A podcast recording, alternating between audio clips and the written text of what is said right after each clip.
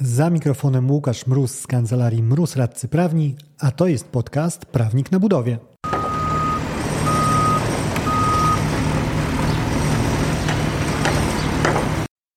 Ryczałt. Niekwestionowany mistrz wszechwag, jeżeli chodzi o model rozliczenia inwestycji budowlanej. I mimo powszechności jego używania, nadal pokutuje sporo niedopowiedzeń, przeinaczeń co do tego, cóż ze stosowania tego ryczałtu dla inwestycji wynika. Porozmawiam o nich w serii odcinków bazujących na tym, co w ryczałcie miały do powiedzenia sądy. To pierwszy z nich. Za mikrofonem Łukasz Mróz, a to jest podcast Prawnik na budowie.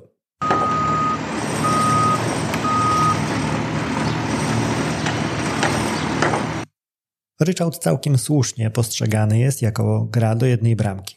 Już samo modelowe ujęcie tego sposobu rozliczenia wynagrodzenia przechyla szalę korzyści zdecydowanie na stronę inwestora. A jeżeli dodamy do tego wynikające z praktyki kontraktowania bonusy, otrzymujemy sytuację, w której kołdra przeciągnięta jest w całości na jedną stronę łóżka. Pozdrawiam osoby desperacko walczące co noc ze swoją drugą połówką o uniknięciu hipotermii. Jednak zamawiający także w ryczałtowym modelu współpracy nie jest wolny od obowiązków. Na jego barkach spoczywa fundamentalna powinność. Precyzyjne wskazanie wykonawcy, co zamawiający chce dostać za omówiony ryczałt. To wskazanie jest nieco jak blind w pokerze. Z tą różnicą, że brak jego wpłacenia nie oznacza, że inwestor nie zagra rozdania, tylko że nie będzie chroniony zasadami ryczałtu. Precyzyjnym opisem zadania zamawiający kupuje sobie więc pakiet korzyści ryczałtowych. Jeżeli nie uiści właściwej ceny, nie nabędzie korzyści. Czy też, jak ubrał to w słowa jeden z sądów, warunkiem niezmienności wynagrodzenia ryczałtowego jest to, aby przyjmujący zamówienie, oszacowując zakres koniecznych czynności, konieczne koszty ich wykonania i w konsekwencji wartość robót, którą strony umówiły w ramach ryczałtowego wynagrodzenia, dysponował rzetelną informacją na temat zakresu i charakteru robót. Prawidłowe przełożenie modelu ryczałtowego na kanwę budownictwa nie tylko nie oznacza braku wymogów staranności po stronie zamawiającego. Decyduje wręcz o konieczności zawieszenia poprzeczki na wyższym pułapie. Skoro bowiem ryczałt dedykowany jest prostym zadaniom, zamawiający ma obowiązek opisać roboty w standardzie, który sprawi, że wykonawca będzie mógł je wycenić jak proste zadanie właśnie. Podkreślił to inny sąd w kontekście złożonej inwestycji infrastrukturalnej, pisząc tak.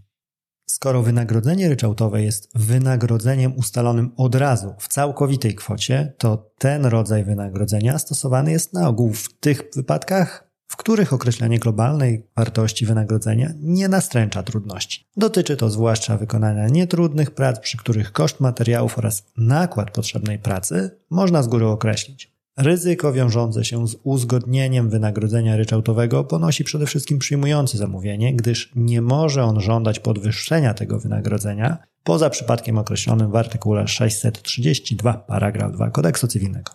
Stan faktyczny niniejszej sprawy w oczywisty sposób przeczy tej tezie, co jednak nie oznacza, że stanowisko to jest błędne. Rozbudowanie bowiem zadań obciążających wykonawcę w ramach wynagrodzenia ryczałtowego wymaga szczególnie precyzyjnego ustalenia zakresu wyceny tychże robót, na co wskazują opisane wyżej dwa rozporządzenia.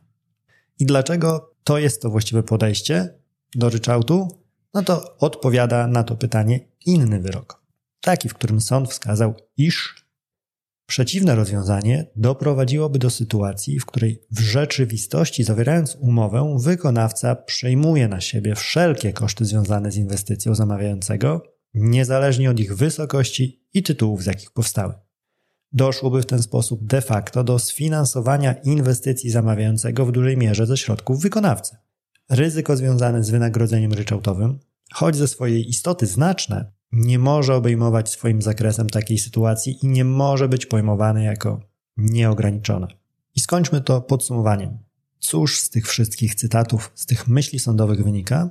Niestaranny zamawiający kupi w ryczałcie swoją inwestycję, ale to będzie zakup bez pakietu ochronnego tego ryczałtu. Na niego mogą bowiem liczyć tylko inwestorzy, którzy odrobili pracę domową na etapie kontraktowania ROP. I zakończmy to znowu cytatem wyrokowym, żeby była ładna klamerka. Rygor z artykułu 632 paragraf 1 KC nie obejmuje nierzetelnego postępowania zamawiającego, który wprowadził w błąd wykonawcę, uniemożliwiając mu prawidłowe oszacowanie zakresu i niezbędnych kosztów robót. Dzięki za odsłuchanie tego odcinka.